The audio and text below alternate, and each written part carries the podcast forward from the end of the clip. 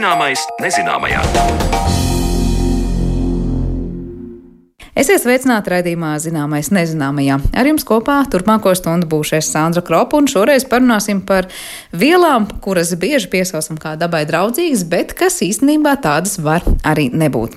Stundas otrajā pusē runāsim par bioplastmasu un to, cik dažāda tā var būt, bet līdz tam vēl palūkosimies arī uz dabas gāzi un to, kāpēc to dažkārt sauc par vidē draudzīgu enerģijas iegūs veidu.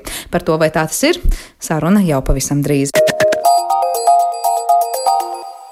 Jau pēc brīža runāsim par to, kas tad ir bioplasmas un vai tā ir vidēji draudzīga, bet pirms tam stāsts par fosīlo kurināmo, ko nereti mēdz dēvēt par vidēji draudzīgu enerģijas iegūs veidu. Dabas gāze ir no ogļūdeņražiem sastāvoša gāze, kas veidojusies un uzkrājusies zemes garozā. Vairāk par šo vielu dabā un tās izmantošanu klausieties mūsu arhīvu materiālu, ko sagatavojusi Zane Lāce. Skatot trīs vaļus, uz kuriem pamatojas enerģijas ieguva pasaulē, tad pirmajā vietā vietā ir nafta, ogles otrajā vietā un dabasgāze trešajā.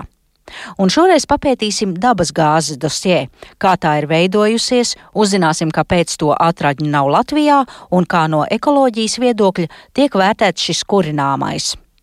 Latvijas Universitātes Geogrāfijas un Zemes zinātņu fakultātes asociētais profesors Girts Stinkuls skaidro, kā dabā iegūst šo gāzi faktiski meklē biezus nogulumiežu slāņkopus, kurās kaut kur ir atrodami organisko vielu sakopojumi. Un tad nu, paredz, ka no šiem organisko vielu sakopojumiem laika gaitā varētu būt radusies gan nafta, gan dabas gāze. Nu, šīs vielas dabā cieši asociē. Parasti lielos naftas basēnos ir arī kaut kāda dabas gāze, un tur, kur ir dabas gāzes lielās iegūst, tur vismaz drusciņi arī nafta klāt. Tā kā tas viss ir tāds radniecīgs. Un e, interesants moments ir tāds, ka, teiksim, iežu slāņkopu uzbūvi kopumā kopumā var izpētīt ar geofizikālajām metodēm. Tātad eh, no Zemes virspuses, principā pētot iežu fizikālās īpašības, bet eh, izpētīt pašu naftu un gāzi, diemžēl, var tikai ar urpšanas darbu palīdzību. Citādi mēs to neatradīsim no virspuses. Dabas gāze veidojas gan purvos, gan arī dziļāk zemes iekšienē. Vai atšķiras, piemēram, tā purvu gāze un tā, kas ir, ja geologi veic mhm. tos dziļurbumus? Gāze ļoti daudz un dažādi veidi ir. Šī purvu gāze, protams, ir nesalīdzināma mazākos apjomos nekā tā dabas gāze, kas atrodama lielākos dziļumos. Purvu gāze sastāv gan no metāna, gan arī satur ogliskābo gāzi un dažādu citu vielu pieaugumu. To var izmantot, taču nu, šie daudzumi ir samērā mazi.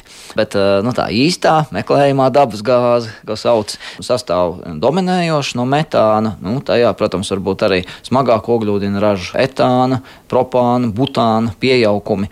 Un tās daudzumi ļoti lieli. Jā, tā tad ir saistīta ar dziļāk iegulošiem nogulumiežiem, senākiem nogulumiežiem, un tur šie daudzumi ir visai apjomīgi. Tātad eh, šobrīd uzskata, ka kopējie dabas gāzes resursi vēl aizvien pasaulē varētu būt ap 800 250 tūkstošiem kubikkilometru. Tas ir ļoti, ļoti iespaidīgs apjoms. Jautājums par to, kā veidojas dabas gāze. Tātad sākotnēji, lai vispār rastos dabas gāze, būtu jābūt uzkrātai organiskajai vielai, jeb, teiksim, organiskajām vielām dažādām, kuras nav sadalījušās. Tātad būtu jābūt bioloģiskas cilmes materiāla uzkrājumiem jūrās, okeānos un bezskābekļa videi. Parasti tas ir iespējams dziļu jūru apstākļos, jo tur šī skābekļa ir mazāk piegūtnes vidē. Un tātad šīs organiskās vielas nonāk nogulās, pamazām krājās, krājās, krājās, pieaug to apjoms. Tad jūras līmenim vai nu īpaši nemainoties vai krītoties, šīs nogulas pārsedz jaunāki slāņi, parasti smiltis.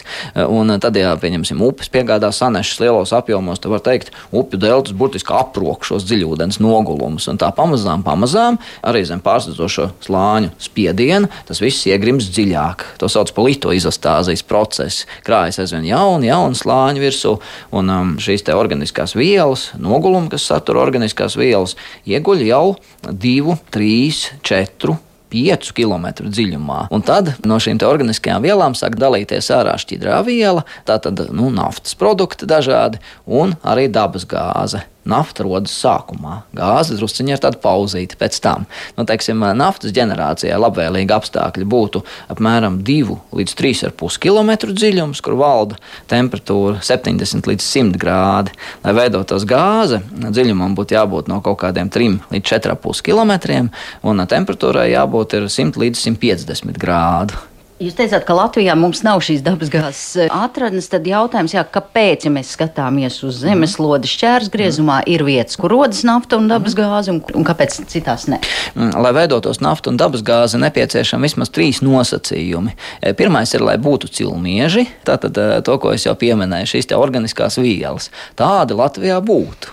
Tie ieguļ ordoviku un silūru nogulumiežos, šie paši ieži ir visai sēni, apmēram 450 līdz 400 miljoni gadu seni ieži, un tajā laikā arī ir bijusi salīdzinoši dziļa jūra ar organisko vielu uzkrāšanos. Bet nav spēkā otrs nosacījums, lai šie organisko vielu sakopojumi būtu nonākuši pietiekami lielā dziļumā, temperatūrā un spiedienā. Tā kā var teikt, ka Latvijas teritorija kopā ar Lietuvu, Kaļiņģeradas apgabalu un Polijas ziemeļaustrumu daļu ir viens senais baseins, tad šī baseina noguluma pamazām grīmst virzienā uz Poliju. Tur pamatklintājas jau nonāk kādā 5 km dziļumā, arī pārsitošie slāņi ir dziļāki. Tādējādi Polijas ziemeļdaļā, arī ziemeļaustrumu daļā rodas dabas gāze, Kaļiņģeradas apgabala teritorijā un Baltijas jūras akvatorijā rodas nafta. Nedaudz arī tas Lietuvā notiek, bet no nu, Latvijas tomēr pie mums tikai atmigrē kaut kas no šīs naftas. Dabas gāze līdz mūsu teritorijai netiek. Tā kā nu, jā, svarīgs ir dziļums, kurā šīs organiskās vielas atrodas, tas attiecīgais spiediens un temperatūra struktūra. Nu, vēl, protams, ir jābūt arī struktūrām, kurās eh, saglabāties eh, naftai un gāzei, kā arī kolektoru iežiem, kuros šīs vielas var palikt. Tādi mums būtu. Tie ir Kembrija vecuma ieži, tie ir smilšakmeņi dažādi. Tas mums būtu, jā, bet faktiski vienīgais nosacījums, kāpēc mums nav naftas, un nu, nafta ir drusciņi, bet eh, dabas gāzes nav, tas ir, ka nav bijis atbilstošs spiediens un temperatūra, kurā veidotos šie komponenti. Un uh, citur pasaulē, protams, tur ir, ir bijuši šie nosacījumi. Tātad nu, kopumā tie nogulumi ar organiskajām vielām ir ieguluši dziļāk, un vēl arī tie daudzumi ir bijuši lielāki. Nu, kā piemēram, mēs varam atzīmēt Saudārābijas milzīgos naftas laukus, Irānas, tāpat arī naftas laukus, kur ir lielas struktūras, liela organisko vielu uzkrājuma. Un arī tie atrodas tātad lielā spiedienā un temperatūrā diezgan dziļi pazemē. Tāpat arī Sibīrija Sibīrijā. Tur atkal ir tādi ģeoloģiski diezgan jauni nogulumi, mezozoja eh, nogulumi, kuros arī eh, ietilpst dabasgāze un nafta, un arī šīs organiskās vielas ir bijušas pietiekami lielā dziļumā, spiedienā un temperatūrā, lai veidotos šie komponenti. Tik tālu par dabasgāzes, tā teikt, dzimšanu un tās raksturu. Bet kādu šis enerģijas veids, kas ir tik ierasts mūsu ikdienā, atstāja ietekmi uz klimatu, par to stāsta biedrības Zaļā brīvība pārstāve Selīna Vancāne. Eiropā salīdzinoši ļoti daudz izmanto ogles, un to pārēju uz tīrāku enerģiju viņi veic uz dabasgāzes rēķina. Bet noteikti būtu jāskatās ilgtermiņā un jādomā jau ar tādu tālredzīgu skatu, kā mēs varam samazināt arī dabasgāzes patēriņu, jo tas būs neapšaubām nākamais. Ja Eiropa atsakās no oglēm, tagad pārējot uz dabasgāzi, tas tāds pārējais posms tikai. Dabasgāze, protams, ir CO2 emisiju ziņā krietni vien mazāk piesārņojoša un klimatam draudzīgāk nekā akmeņogles vai naftas produkti produkti, taču jāapzinās, ka tā tomēr ir fosilā enerģija. Un mēs, ja mēs runājam par klimata mērķiem, kur mēs jau gribam pāriet uz nulles emisijām, tad mums būtu jādomā, kā atteikties arī no dabasgāzes izmantošanas, ja vismaz kā krietni samazināt tās patēriņu. Tas, kas vēl ir bīstami un nav pietiekami izvērtēts uz klimatu ietekme, ir dabasgāze šajā savā dzīves ciklā rada diezgan daudz arī metāna emisijas.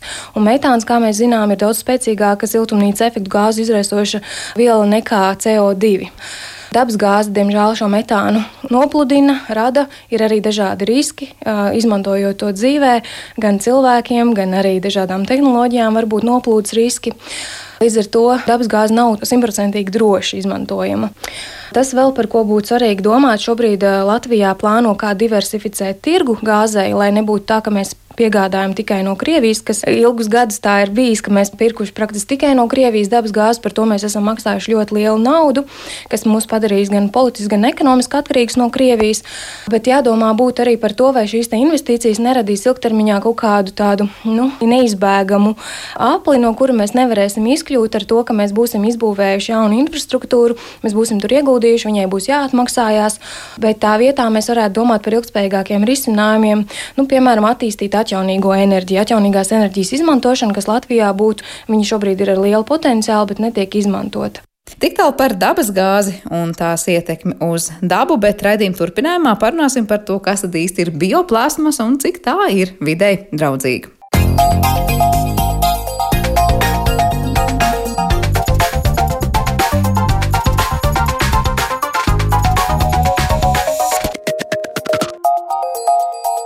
Zināmais nezināmajā.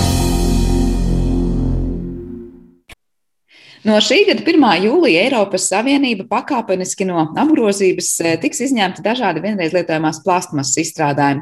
Vispirms no veikalu plauktiem pazudīs vienreiz lietojamie plastmasas trauki un citi galda piedarumi, izņemot glāzes. Ar laiku aizliegums attieksies arī uz citiem plastmasas izstrādājumiem, bet bioplastmasa šajā kontekstā tiek apskatīta kā alternatīva. Taču cik dažāda tā ir un vai tā tiešām vienmēr uzskatām par labāku alternatīvu ierastajai plastmasai, atbildes meklēsim šodien uh, uz šiem jautājumiem jautājumiem raidījuma turpinājumā, jo mūsu attālinātajā studijā uz sarunu esam aicinājuši Rīgas Tehniskās Universitātes materiāla zinātnes un lietišķās ķīmijas fakultātes profesoru Sergeju Gaidukovu un biedrības Zirovējas Latviju pārstāvi Mairitu Lūsi. Labdien jums abiem! Labdien! Uh, varbūt vispirms parunāsim par to, kas ir tā galvenā atšķirība no, no tā, ko mēs saucam par bioplastmasu. Un, ja mēs skatāmies uz to plastmasu, kas ir šobrīd nu, plaši, jo plaši sastopama visapkārt, ja mēs runājam gan par plastmasu traukiem vai daudz, daudz ko citu, vai mēs varam teikt, ka tas, ko mēs saprotam ar bioplastmasu, patiešām ir visās komponentēs kaut kas pilnīgi, pilnīgi atšķirīgs. Mairita, varbūt sākšu. Nu, uh Par bioplasmasu runājot, ir jāizšķir divas lietas, no kurienes šī plasmasa nāk un kas ar viņu notiek pēc tam. Jo man bija ļoti interesanta diskusija. Es ceru, ka es drīkstu saukt vārdā ar Narvesen pārstāvjiem par viņu zaļajām dabai draudzīgajām krūzītēm, kas ir tāds tipiskais piemērs par to, kā cilvēki šajos jēdzienos reizēm apjūg. Tātad viņi reklamē savu bioplasmasas krūzīti, kas bija pārstrādājama. Šajā gadījumā šī krūzīte kura ļoti labi samazināja oglekļa pēdu, bija izgatavota no bioplasmasas, iekšējā kārtiņa, bet šī bioplasmasa bija pilnīgi, pilnīgi identiska parastai uz uh, naftas, uz neatjaunojiem resursiem balstītajai plasmasai. Tātad, ja mums ir bioplasmasa, tas nenozīmē, ka mēs viņu varam mest savā komposta kaudzē. Mēs runājam par izcelsmi. Tad mēs varam skatīties arī to gala rezultātu. Vai tā ir kompostējama bioplasmasa, vai tā nav kompostējama bioplasmasa. Un parasti jau cilvēki domā par to beigu daļu, ka šo plasmasu var sakompostēt vai nu mājās, vai nu industriāli. Bet kā tad sanāk bioplasmas mēs saucam, un tomēr sakam, mēs varam teikt, tā ir identiska tai plasmasai, ko iegūst no fosilajiem resursiem? Tas ir tad, ja mēs skatāmies uz izcelsmi. Mēs, mums ir jāsaprot, vai mēs runājam par izcelsmi vai par gala rezultātu, jo mēs jau tādu pašu plasmasu varam izveidot arī no uh, bioloģiskas izcelsmes avotiem. No kukurūzas, no, no kaut kāda cita materiāla, dabīga, tā atjaunojama resursa bet parasti mēs ar to saprotam tomēr vairāk šo gala rezultātu, to, ka viņi ir tiešām kompostējami. Un tagad varbūt kādam rastos jautājums, ja reiz tā ir no kukurūzas veidota plastmasa, kāpēc to nevar kompostēt? Nu, man šķiet, ka šo varētu labāk paskaidrot arī Sergejs, bet skatoties no ķīmiskā viedokļa, viņa vienkārši ir identiska. Tas, ka molekulas, ogleklis, lai kas tur arī būtu, viņas vienkārši ir absolūti identiskas, saliktas identiskā ķēdītē, tā, it kā mēs viņu būtu, izgatavo, būtu izgatavojuši no naftas. Jā, Sergei, tad mums ir radušies vairāk jautājumu kā ķīmiķi.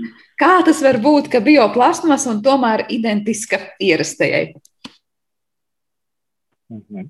Tieši tā piekrītu Marītai, jā, ka bioplasmas ir atkarīga no avota. Bio parāda Jā.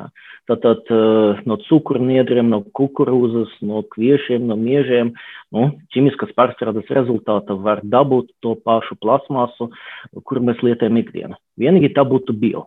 Jā. Tas būtu polietilēns, tad to var saukt par biopolietilēnu. Polipropilēns, biopropilēns, biopolipropilēns. Rezultātā arī īpašības. Jā. Plasmasa būs identiskas, ne, ne ar ko neatšķirsies pārstrāde. Un tas ir tiešām labs piemērs tam, kā aprītes, jeb cirkulāra ekonomika tiek īstenota. Jā. Pamatā naftu izmanto, lai sintēzētu plasmasu. Un šajā gadījumā nu, bioizēvielas ļauj uh, iegūt uh, analoģisku procesu.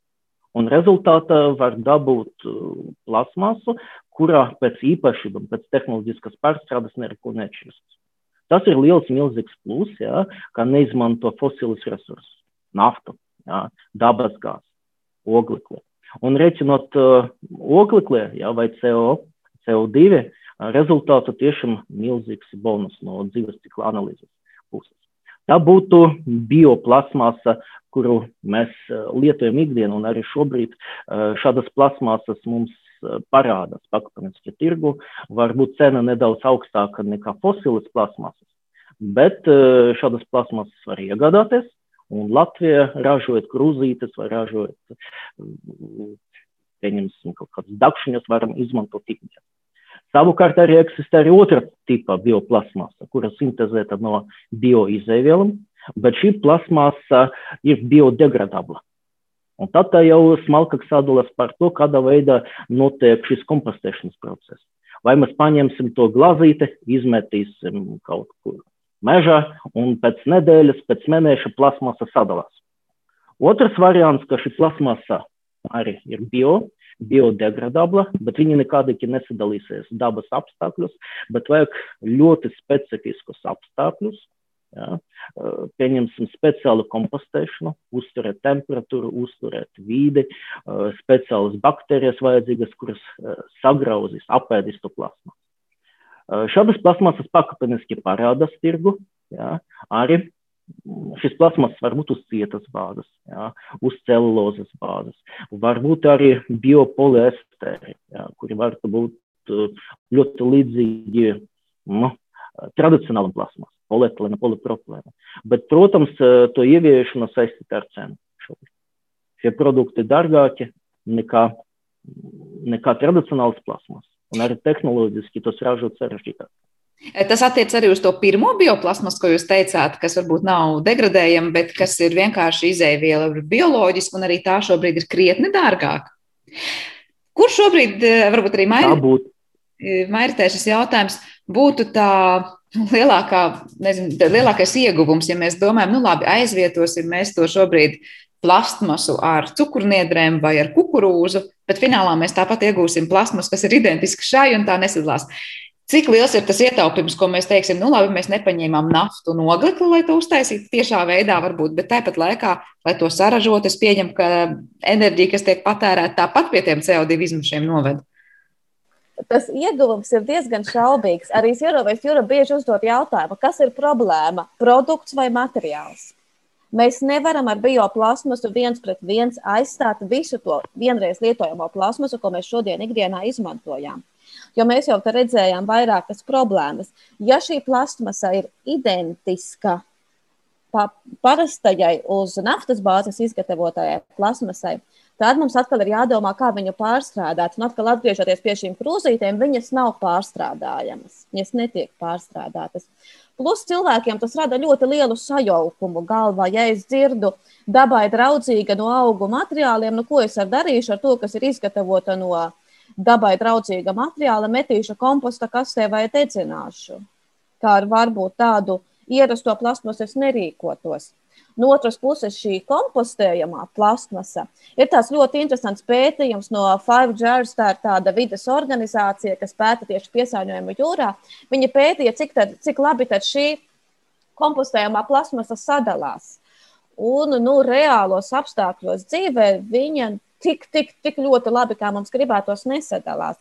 Plus jāņem vērā, ka šo kompostējumu plasmasu ļoti daudzas industriālās kompostēšanas sistēmas nepieņem. Tajā skaitā arī Getliņa eko, kas šobrīd ievieš bioloģiski noārtāmo atkritumu apsaimniekošanu, kompostēšanu.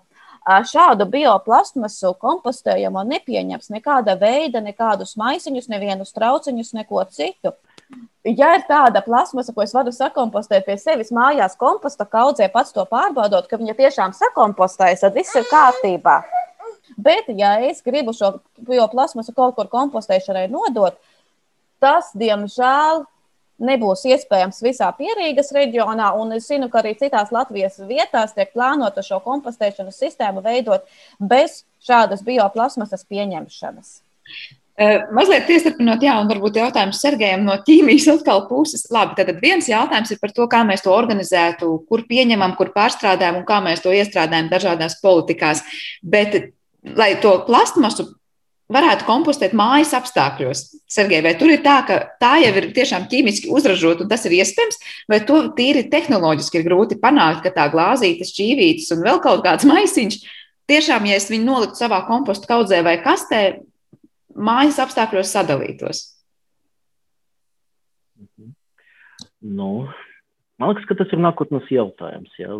Mēs arī laboratorijā strādājam ar bioplasmasam, kuras ir no bioizēvielām, un vienlaikus arī kompostējums. Parastajā kompostē kaudzē.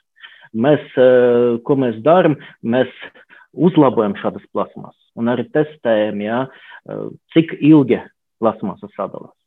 Ir, protams, tiešām ir eh, industriāli kompostējamas plasmas, bet ir arī analogi, kuriem varbūt ar citu ķīmisko dabu, ar citu ķīmisko struktūru, bet ja mēs ierāksim zeme, un es, mēs arī to darām laboratorijā, tad eh, šādas plasmasas mēneša laika, divu mēnešu laika sadalās un sadrūpa mazus gabaliņus un pilnībā pazūd. Un rezultātā nu, ekoloģiskais pēdas nospiedums būtu minimāls. Bet vienīgi jāatcerās arī to, ka šāda gadījumā materiāls pazūd. Un no aprītekas ekonomikas viedokļa mēs izmetam materiālu, kuru vajadzēja pagatavot, paturēt gan cilvēka resursus, gan arī nu, enerģiju un uh, to reiķināt. Tas vienkārši materiāls nonāk zudumā. Tāpēc ir šīs divas uh, teiksim, politikas, vai nepieciešami materiāli, kurus varētu šķirot un pēc tam pārstrādāt, vai no materiāls, eh, kuru mēs izmetam ārā, viņš jau sadalās.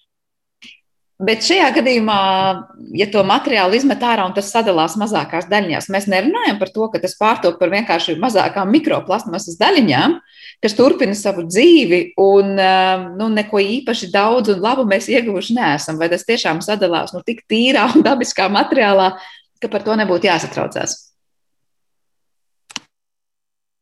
Uh, atsevišķas plasmasas jā, tiešām sadalās kā CO2 gāze pašas beigas. Baktērijas apēd šīs plasmasas, un tur nekas nepaliek. Protams, viss ir stipri atkarīgs no vides un no laika. Ar laiku, protams, mums ir krūzīte, krūzīte paliek, teiksim, nu, smalkāka, smalkāka, smalkāka līdz mazākam daļiņam, un beigas arī šīs mikroplasmasas daļiņas vienkārši pazūd. Līdz ar šāda veida uzveidās cietas plasmas, uzveidās atsevišķi biopolesteri. Bet, protams, jāatcerās arī to, ka uh, bioplasmasa ja, var palikt arī kā mikrodaļas. Dažas paliek kā mikrodaļas, citas ar laiku pilnībā sadalās.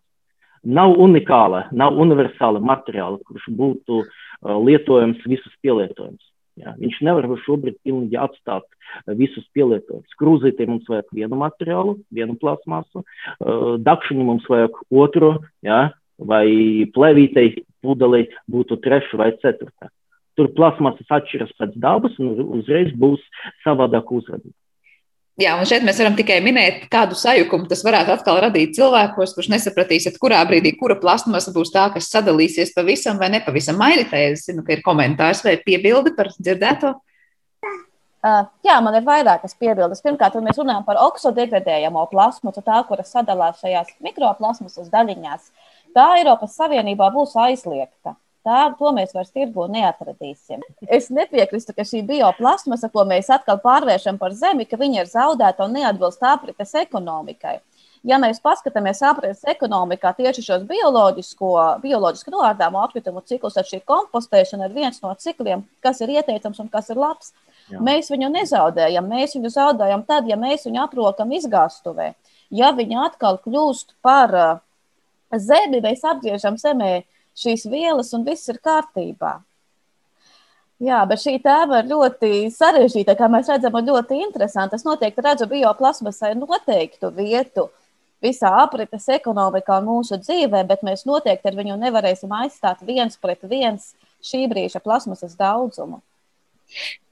Mēs varam runāt par tādu tā pirmās paudzes bioplastmasu un otrās paudzes. Un tagad jūs klausoties, man liekas, nu tad jā, tad tas sākums, kurā mēs pasakām, paņēmām tikai kukurūzu vai e, cukurniedri tā vietā, lai paņemtu naftu un uztaisījām plastmasu, nu, tāds nosacīts labums. Tad nākamās runājam par otrās paudzes bioplastmasu, kurā mēs sakām, jā, mēs jau to varam sadalīt, bet atkal, ja mēs to nevaram sadalīt līdz tiešām zemē, kas atgriežas zemē, Eh, bet tā paliek par mikroplastmasas piesārņojumu vai vienkārši kādu materiālu, kas tur kaut kur mētājas ilgi un dikti. Mēs patiesībā tā līdz galam par tādu ideālo bioplastmasas eh, nu, veidolu nemaz vēl nerunājam. Kāda notiek tā attīstība pašā bioplastmasas dažādajos, es nezinu, tehnoloģijās, kā to rada, kādu to vispār redz un uz kādu virzamies?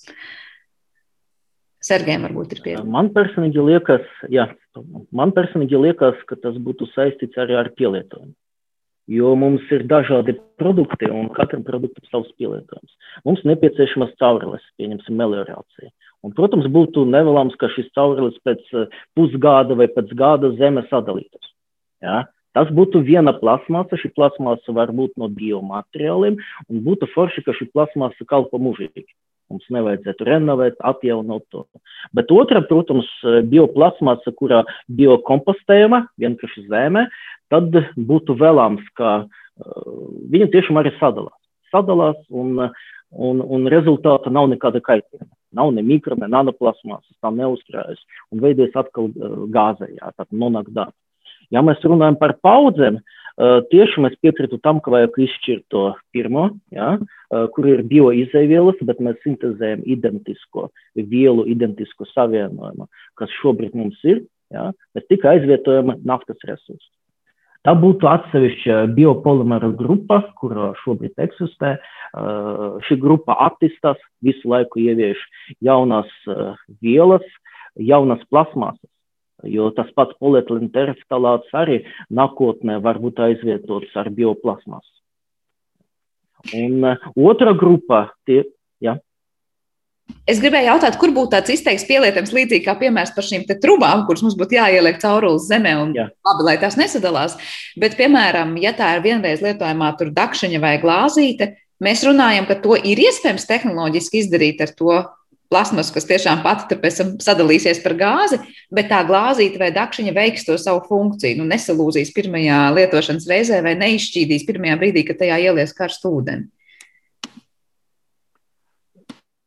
Jā, to var modelēt, to var prognozēt, un to mēs arī darām šeit laboratorijā. Mēs uh, izmantojam dažādas šīs bioplasmasas, nosakām, kāda vide šīs plasmasas uh, būs stabila kāda vide sadalās. Un uh, pamatā ja, tas viss atkal atkarīgs no pielietojuma. Nu, ja mums pielietojums pieņemsim jūrniecībai, ja, arī pieņemsim caureles vai kabeļi dažādi, tad sagaidām, darām visu tā, lai šī plasmasa nesadalītu. Tātad savukārt, ja mums ir dakšiņa vai mums ir pudelīte, ja, metam to ārā, atbilstoši saskaras ar zemi, kur ir savas baktērijas, un šīs baktērijas sāk savu darbu. Tā ir brīdi, kad uh, plasmasa jau izmest. Varbūt, lai pātrinātu šo procesu, vajag ierakt to zeme, ja, lai būtu lielāks kontakts, un tad baktērijas iedarbojas un apēd. Un atkal, principā, atgriežas šis nu, uz dabiskam izēvielam. Bet, protams, tas ir laiks. Es esmu dzirdējis iepriekš, ka teica, labi, mēs varam runāt par skaisti bioloģiskiem materiāliem, no kā veidojam plasmas. Es tagad nezinu, vai tas ir par to pirmās paudzes vai otrās paudzes plasmas runājot, bet saka, tās saistvielas, kas tiek pieliktas klāt, ka tās jau vienalga parasti dod savu efektu un, un, un paliek kaut kur, ja mēs tā vienkārši atstājam kompostēties, nezinu, īstos vai neīstos apstākļos. Vai ir pamats domāt, ka labi izēviela jau varbūt ir bioloģiska un viss ir skaisti, bet arī tai bioloģiskai izēvielai ir jāpievieno kaut kas klāt, lai tas viss turētos tajā veidolā, kādam tam ir jāturās. Un tur gan mēs joprojām runājam par vielām, kurām nebūtu jānonāk apkārtējā vidē. Vai tas jautājums ir atrisināts? Mm, nu, zinātnē attīstās, jā, tehnoloģija attīstās. Jā. Visu laiku jāpilnveido uh, tie plasmasas eh, materiāli. Eh, jo polimeru materiāls eh, sastāv ne tikai no polimera sveķiem, bet viņš satur arī pildvielas, krāsvielas, dažādus plastifikatorus, antioksidantus, un tas saturs var būt ļoti dažāds, atkarībā atkal no pielietojuma. Bieži vien speciāli pievieno piedēvas, tas oksa piedēvas, lai uzlabotu biodestrukciju. Citos gadījumos otrādi vajag kaut ko izdarīt ar plasmasu, lai tā nesadalītos ātri. Jā. Atkal tas katram pielietojumam, jā, mums vajag atrast savu formulu bioplasmasai, lai nodrošinātu to eksploatācijas ciklu.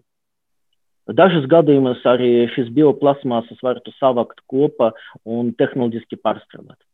Protams, visas šīs piedevas pasliktina to pārstrādi, un rezultātā šis piedevas var palikt arī dabā, ja, kad bioplasmasa paša sadalās. Ja tās piedevas ir neorganiskas, pieņemsim, māli kādi, kaulīns, talks, tad šis piedevas nāk no dabas un atkal atgriežas dabā. Bet savukārt, ja mēs izmantojam kādas naftas piedevas, nu, tad rezultātā šis piedevas paliek dabā un šis piedevas var būt arī kaitīgs.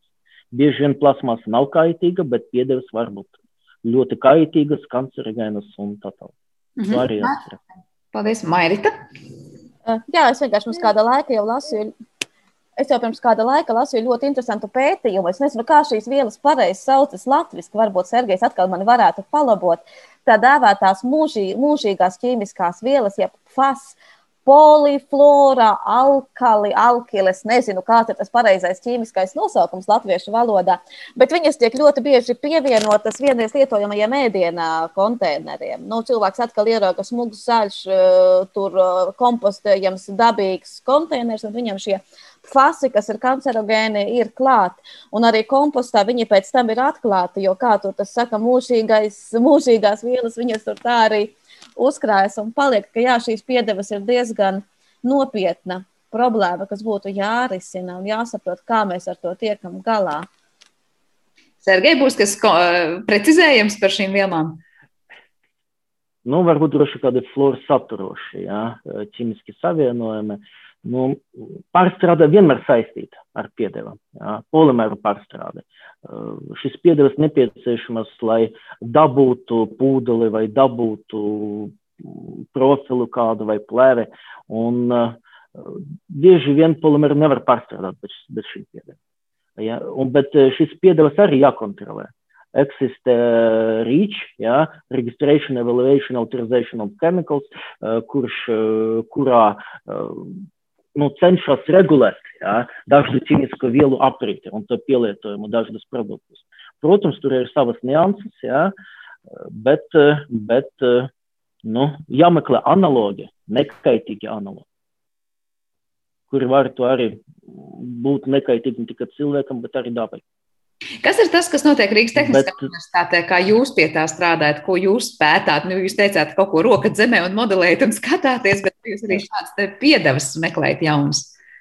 Jā. Nu, mēs, eh, mēs strādājam zinātniska projekta ietvaros, jā, Latvijas zinātnes eh, pārdomas projekta, eh, kopā ar kolēģiem, jā, kopā ar Koksnes ķīmijas institūtu, Latvijas valsts Koksnes ķīmijas institūtu. Mēs strādājam pie pie plasmasas, koksnes imitējušas plasmasas, varbūt tā definēsim, kurā būtu pēc savām īpašībām nu, vizuāli nu, līdzīga. Jā.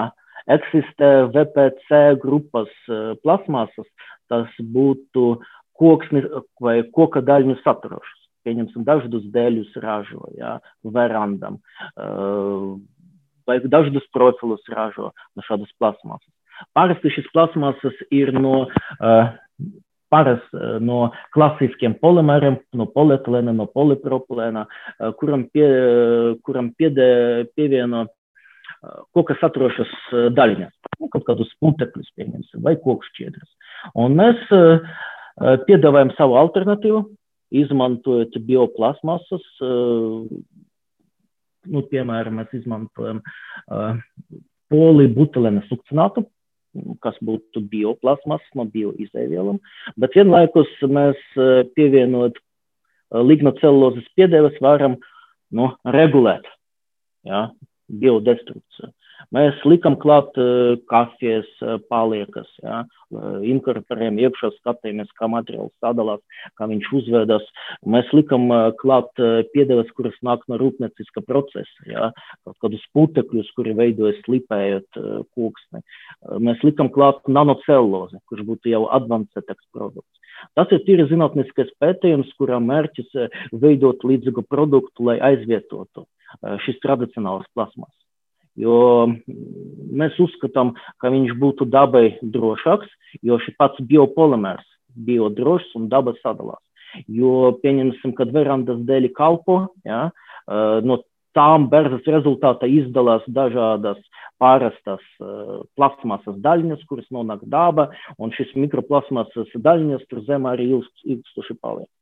Savukārt no mūsu materiāla mēs sagaidām, ka viņš var tur sadalīties. Jā, sadalīties. Protams, arī šeit paliek šis jautājums, ka šiem dēļiem jākalpo. Jā, nevis jāsadalās pēc mēneša. Ja. Līdz ar to šeit ir jābūt šim kompromisam starp biodegradāciju un starp uh, objekta ilgmožību. Jā, nu, nu, bet mēs strādājam, mēs uzlabojam īpašības. Tāds pētījums notiek šobrīd. Jā, tur, nu, protams, tehnoloģiski un zinātniski izaicinājumi netrūks savietot. Tad gan kaut ko, kas ir maksimāli stabils, bet tajā pašā laikā arī maksimāli viegli varbūt pazūdoši no šīs zemes virsmas. Mairīt, man jautājums par to, labi, viena lieta, ko mēs zinām tehnoloģiski, kas ir vai nav iespējams, tur zinātnieki pie tā strādā, gaidām, kā saka, labākos risinājumus. Kā ar cilvēku uzvedību? Vai nav tā, ka, piemēram, šāda veida bioplastmasa, viens ir tas, ka varētu radīt apjukumu cilvēku vidū, ko tad kā var kur kompostēt un kur nekompostēt, un kurā brīdī mēs varam domāt, ka mēs izdarām ļoti zaļas izvēles, patiesībā izvēloties nemaz ne tik draudzīgas lietas.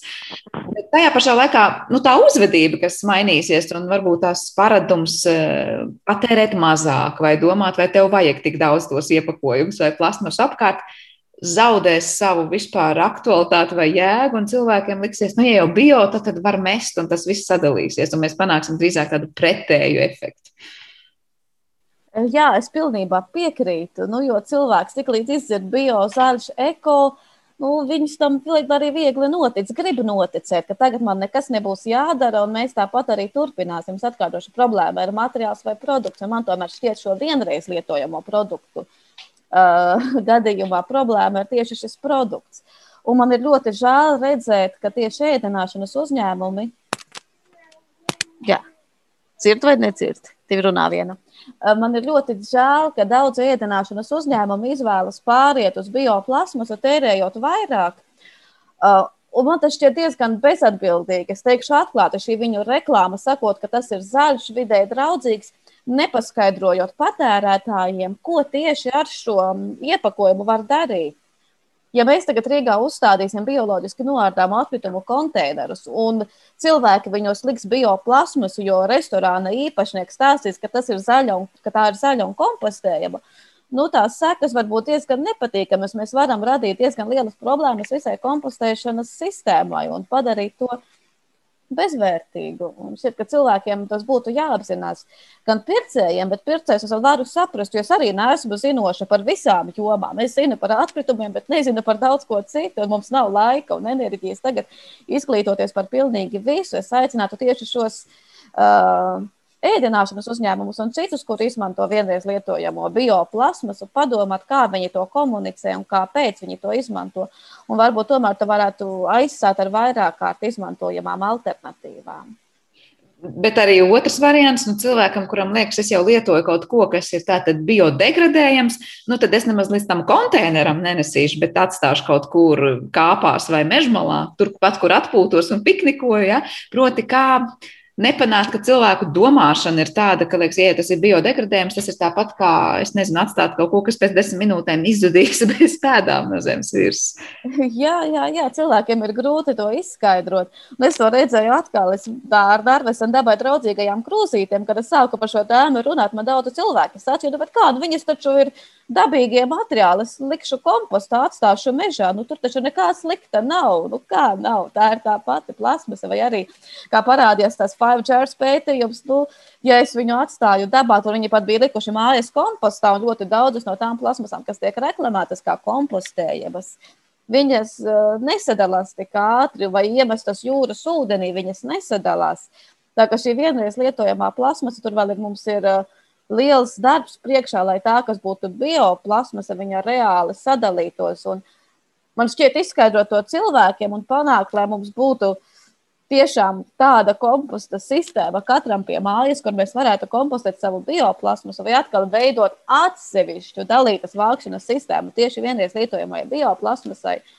Nu, es, es ieguldītu enerģiju tomēr citā virzienā un domātu, kā mēs varam aizstāt uh, vienreiz lietojamo plasmasu ar vairāk kārt lietojamām alternatīvām.